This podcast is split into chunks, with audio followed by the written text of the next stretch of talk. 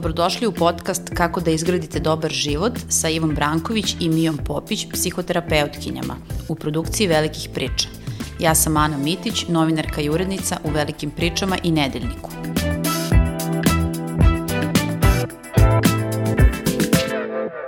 Dok sam razmišljala o tome šta je problem sa januarom, pitala sam se da li uopšte ima pravde za mesec januar, jer to je jedan od najumraženijih meseci u godini. Neki kažu da je to jedan od najdužih meseci, koji se povezuje i sa postprazničnom depresijom, mesec kada nema para jer smo se istrošili i mesec koji nikako da prođe kao i svi ti problemi koje januar nosi. E pa u ovoj epizodi ćemo govoriti zbog čega je to tako i kako da lakše podnesete izazove koji nosi e, januar i možda će biti malo pravde za januar. Čućemo to od e, Mije Popić, psihoterapeutkinje.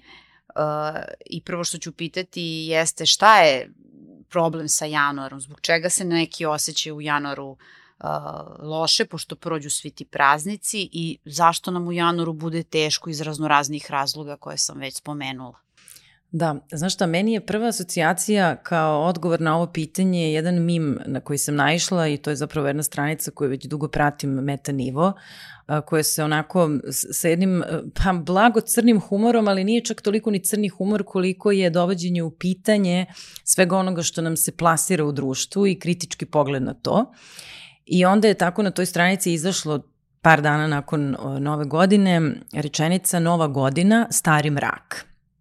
I ja mislim da je januar zbog toga problematičan, zato što mi imamo utisak da je to neki novi početak i da mi tu moramo da zasijamo, a dotaći ćemo se svakako i pričali smo o tome i u prošlom ovaj podcastu o tim novogodišnjim rezolucijama. Tako je. I onda nas sačeka taj januar kao taj neki novi briljantni početak koji mi očekujemo, a ono sa čim se susretnemo je taj stari život sa svim onim problemima, jer mislim 31. decembar pa pređemo na 1. januar, nije se ništa revolucionarno desilo.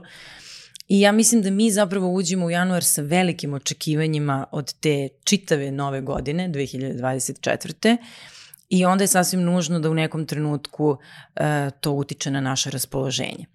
Ovde ima još jedan daleko jednostavniji razlog.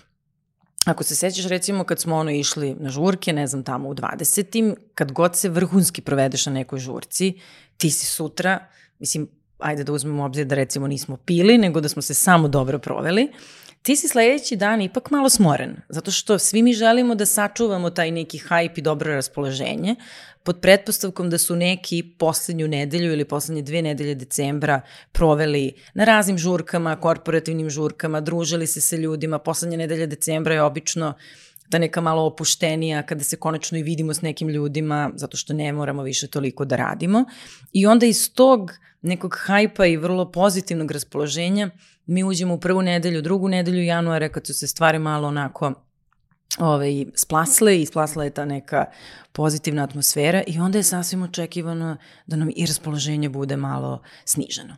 E pa moram da ti ispričam šta mi je rekao kolega baš na kontu tih uh, žurki koje si spomenula. Uh, kad sam se spremala za ovu epizodu i rekla mu da ćemo pričati o januaru, on kaže, evo gledam ove fotografije iz decembra i već me hvata depresija, kao kako mi je bilo, gde sam sve išao, žurke, događaj. To je upravo to. I tako dalje, a onda ovaj, e, drugarica moja ima e, strategiju kako će taj januar da, da izgura ceo i onda mi kaže, pa kao ovih par dana ću raditi od kuće jer je bitno da ne ide na posao, e onda putujem i kad se vratim to je već kraj januara i tad ću još par dana raditi od kuće i gotovo kao uh, uh, gotov je gotov je januar. Uh, htela sam u stvari da te pitam koji su sve to uh, uzroci zbog kojih se osjećamo tako u januaru. Da li je to samo ta uh, euforija koja je bila oko nove godine ili postoji neki drugi uh, uh, razlozi? Pa, euforija svakako i mnogo su mi interesantni ovi primjeri koje se navela, jer jedan i drugi govori da mi želimo jako da vratimo to pozitivno raspoloženje koje je postojalo u decembru. Tako da mi, ne znam možda da li je to pretarano reći, ali postanemo malo navučeni na to mm -hmm. dobro prednovogodišnje raspoloženje i onda nam se naravno ne dopada taj neki malo mirniji ovaj period. E sad, da, euforija je jedna od stvari, e, ja definitivno mislim da su to i e, neke odluke i očekivanja, kao što sam malo pre e, spomenula. Mi često novogodišnje odluke donosimo u stvarno jednom onako dobrom raspoloženju, ali treba da ih sprovodimo kada nam raspoloženje više nije tako sjajno. I ono što se često desi, što malo poljulja ovaj, raspoloženje mnogih ljudi je to kada uvide da sad zapravo treba disciplinovano da se pridržavaju tih nekih novogodišnjih odluka.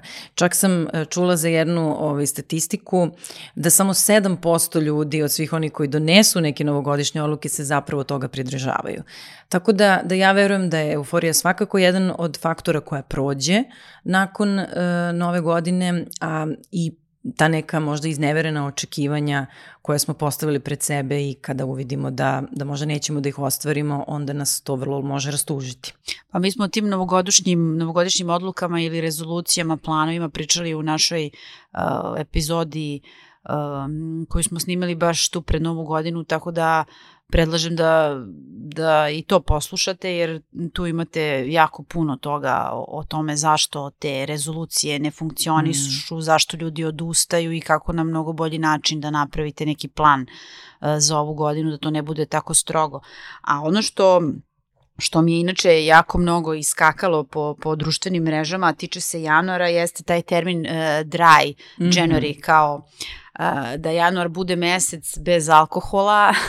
Da. no, to se kao preporučuje da ljudi probaju da taj me, da tog meseca ne piju da bi kao smanjili količinu alkohola i tako dalje. Uh, i postoji taj pritisak da se smanji alkohol, mnogi odlučuju da, da prestanu da puše, mnogi odlučuju da krenu da, da vežbaju i tako dalje.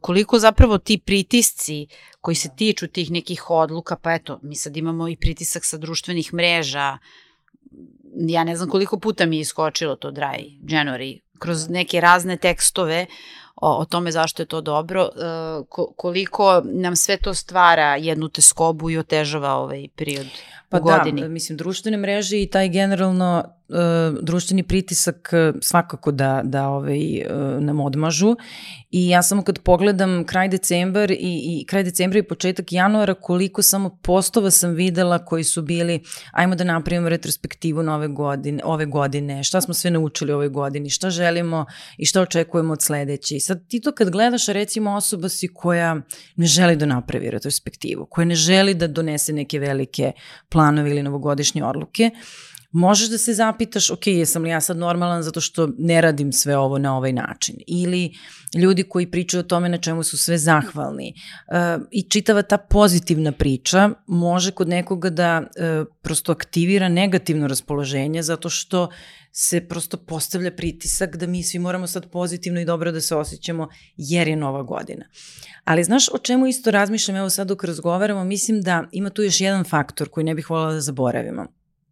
Dakle, ne znam za tebe, ali recimo meni je 1. januar uh, omiljeni dan u godini. I kada sam razmišljala zašto je to tako, shvatila sam da je 1. januar za mene dan kada niko ništa od mene ne očekuje. I ja često kažem 1. januar je dan kad se ništa ne mora, bar u mom slučaju. I ja nekako se stvarno tom 1. januaru ovaj, dosta radujem i znam koliko sam pod stresom tamo negde na jesen kad krenem da izgovaram jedva čekam 1. januar. Ali ono što je takođe, sad to je moje vrlo subjektivno, nije to slučaj kod svakoga, ali ono što mislim da jeste slučaj kod mnogih ljudi je da u toj bar prvoj nedelji januara, kad se stvari stišaju, kada možda malo manje radimo, mi se nužno sretnemo sa sobom. I tu ja mislim da se aktivira uh, depresivno raspoloženje. Jer prva nedelja januara, za većinu ljudi, ne kažem za, da to važi za sve, neki tad najviše možda rade, ali za većinu ljudi to je prilika da se sretnu sa sobom, to je um, kontekst u kome ne jure na posao da bi pobegli od sebe, ne jure za nekim porodičnim obavezama, ne moraju decu da vode na sportove, časove, školu, vrtiće. Tad se sretneš sa sobom. I to što vidiš može da ti se dopadne ili ne, ali svakako taj kontakt sa sobom ume da bude nešto što nas uznemiri, zato što je prosto život toliko brz, a pogotovo u decembru, da je pitanje koliko mi uopšte u decembru recimo stignemo da pogledamo u sebe. I onda se to desi u toj prvoj nedelji januara, jer imaš više vremena, kući si, Tako to što je. ti kažeš taj prvi januar, volim prvi januar, da. super je taj dan, ništa ne moraš i niko te necima i da. skoro smo pričali ono kao gledaš skokove i, i ovaj koncert uh, u Beču i jedeš rusku salatu. Pa da, ali onda dođe, dođe drugi, treći, četvrti i sad ti se sretneš sa sobom, ali se takođe sretneš ako si ih napisao ili o njima porazmislio, te novogodišnje odluke i onda shvatiš da... U, kao šta ću kao sad. Šta sad. Da, da, vreme je da kao idem dalje jer ne može ni da dugo traje ta, ta novogodišnja euforija i sve te žurke i zabava. Tako je. I, i tome mora da, da, da dođe kraj i kreće život od nove godine. Upravo. A, a zbog čega se javlja ova, spomenula si depresiju, postpraznična, postpraznična depresija i koliko ona slična sezonskoj depresiji mm -hmm. i depresiji posle odmora.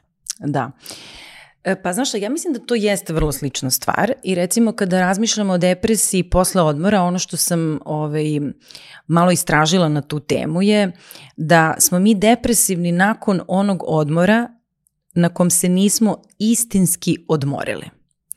Dakle, to je meni bilo vrlo zanimljivo kada sam o tome čitala, jer to znači da se ti nekako javi se depresivno raspoloženje kao neka uh, poruka koja stoji iza toga, nisam dobro iskoristio to vrijeme, nisam bio prisutan, nisam stvarno se odmorio, nego i to ljudi često rade kada su na, na odmorima ili na putovanjima, i dalje gledaju telefon, vise na laptopu i slično.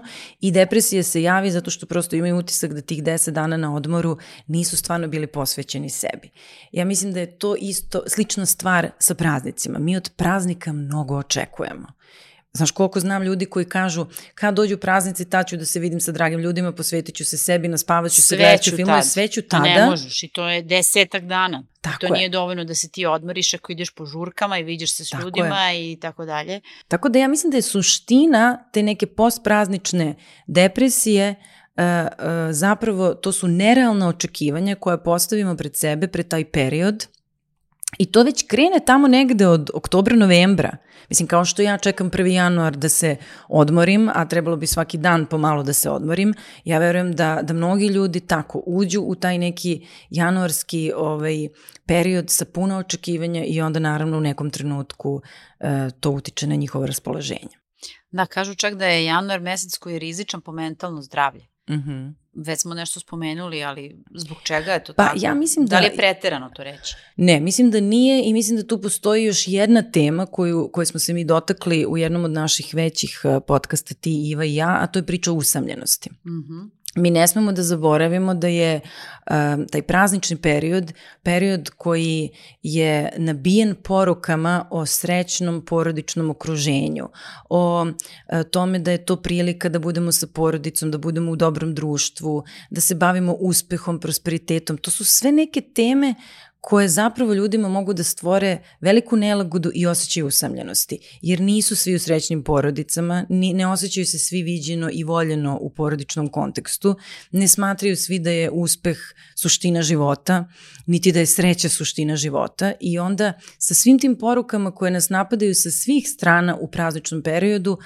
ja mislim da je sasvim nekako očekivano da će mnogi ljudi da se osete depresivno jer prosto smatraju da to nije njihova priča i osjećaju da to nije njihova priča. Da, praznici kao što uh, su s jedne strane vreme sreće, kod mnogih ljudi su, to, su praznici vreme kada osete tugu. Znači neko ko je nekoga izgubio u trenutku kad, kad, su, kad je praznik će se setiti te osobe, tada će mu se vratiti neka sećanja i tako, tako dalje. Je. Znači uopšte nije za sve ljude to neki period kad im je ono euforično i kada im je dobro i kada su srećni i tako dalje, nego naprotiv. Tako je. Dakle, Nova godina ili Božić uh, um, kada su prvi put bez te neke drage osobe, bilo da je ona umrla ili smo prosto raskinuli, prestali s nekim da se družimo, kakva god vrsta gubitka da je u priči, taj prvi put bez te osobe je posebno težak. I um, mislim da je to ovde stvarno važno podvući jer se o tome stvarno ne priča dovoljno. Mi smo u decembru i januaru toliko nekako e, napadnuti svim tim pozitivnim porukama da onda prosto zaboravimo šta je stvaran život. Mm -hmm. A stvaran život su i gubici i porodični odnosi u kojima možda se ne osjećamo povezano, a ipak smo svi tu zajedno i dočekujemo novu godinu. I onda to može čak i onako vrlo lepo da izgleda na Instagramu, ali da je iznutra osjećaj vrlo e, mučan, bolan i onako jedna vrsta praznine. Tako da, kao što vidiš, toliko je to jedna kompleksna tema i puno razloga zašto se osetimo depresivno. Da, u kontekstu priče o depresiji spominje se i taj treći ponedeljak u januaru kao Blue Monday. Mm, ili najde... Velika marketinška laž. Da, ko je najdepresivniji dan i evo sad da srušimo mit da. za one koji ne znaju. Naučnici su rekli još pre par godina da je to puka izmišljotina, da takav datum ne postoji kao neki najdepresivniji dan I čak su neki uh, to protumačili uh, uh, da je to izmišljeno da bi se bolje prodavali aranžmani za leto, jer koja je to, ah, depresivan sam, kao što bi moglo da mi digne raspoloženje, da ja kao već sada da uplatim neki aranžman da se oseti malo bolje. Ili da bi se u stvari skrenula pažnja na, na mentalno zdravlje. Ali koliko sama priča o tome kako je to najdepresivniji ponedeljak ili kako je januar najdepresivniji mesec, zapravo pospešuje taj osjećaj da se ti osjećaš Apsolutno. Apsolutno. Loše. Ja mislim da je ta, ta informacija jedna velika zloupotreba i uh, u jednoj naših emisija pričat ćemo i o tome kako se psihološki koncepti i kako psihologija uopšte može vrlo da se zloupotrebi na razne načine. Um, tako da ako vama neko sa svih strana, još psiholozi stanu iza toga pa vam pričaju kako je to najdepresivniji ponedeljak, mislim nije isključeno da ćete krenuti da tražite problem tamo i gde ga nema, a mnogi ljudi su tome već sami po sebi skloni, pa još ako im to neko kaže, tu stvarno može da, da dođe do ovaj, do, do kreiranja jednog emocionalnog problema tamo gde nužno ne mora da ga bude. Tako da, um, mislim, baš sam onako ljuta, mogu ti reći, na, na tu informaciju i mislim da, da nas ona poziva da kritički sagledavamo sve ono što dobijemo kao informaciju, da tražimo izvore. Da. Gde su izvori, ko to tvrdi, koje je naučno uporište za to? Jer kao evo, sve ovo čemu ti ja sad pričamo, to je možda vezano za moju psihoterapijsku praksu, negde sam nešto o tome čitala, pa možemo da kažemo da januar jeste rizičan, ali da neko baš proglesi treći ponedeljak, mislim, da. kako to banalno zvuči. Da, da. Uh, kakva se inače osjećanja javljaju? Na što se tebi ljudi žale?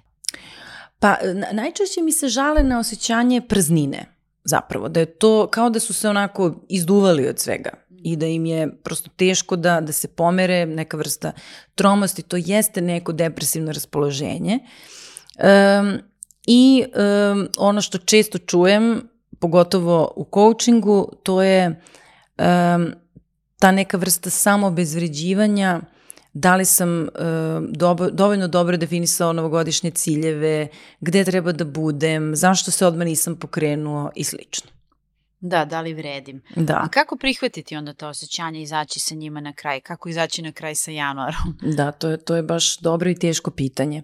Pa ja mislim da je tu zapravo suština malo relaksirati ta očekivanja od januara. Podsjetiti sebe da je januar mesec kao i bilo koji drugi, da to što smo sa 31. decembra prešli na 1. januar nije ništa revolucionarno, da je naš život i dalje tu takav kakav je i bio u decembru i da mi ne moramo suštinski ništa, ne znam ni ja kako veliko i fenomenalno u ovoj godini da sprovedemo. Znači, prosto to malo, pustiti ta neka preterana očekivanja, uh, dozvoliti sebi da kao što se i posle svake žurke, ako smo bili, a nisu svi ovaj, ali ako smo partijali u decembru, onda reći sebi pa tako ti je posle žurke, mhm. bude malo sniženo raspoloženje, dozvoliti to i prihvatiti i prosto nekako pustiti da se sretnemo sa sobom. Jer sva ta neprijatna osjećanja, kao i sva osjećanja, su zapravo neki putokaz ka tome šta nama treba, koje su naše vrednosti. Tako da možda nije ni loše da malo istražimo zašto se osjećamo neprijatno. Umesto da jurimo aranžmane, zakazujemo nova putovanja, izlazimo na žurke. Ja stvarno mislim da, baš to kako se lepo u uvodu rekla, to nije pravedno prema januaru. Ako je za neke ljude januar, ili ta bar prva polovina januara, prilika da se sretnu sa sobom, pa ajde da vidimo u kakvom smo društvu. Da, pa sad si, sad si dala malo pravde za januar. Da, nadam se. Hvala ti puno. Hvala tebi.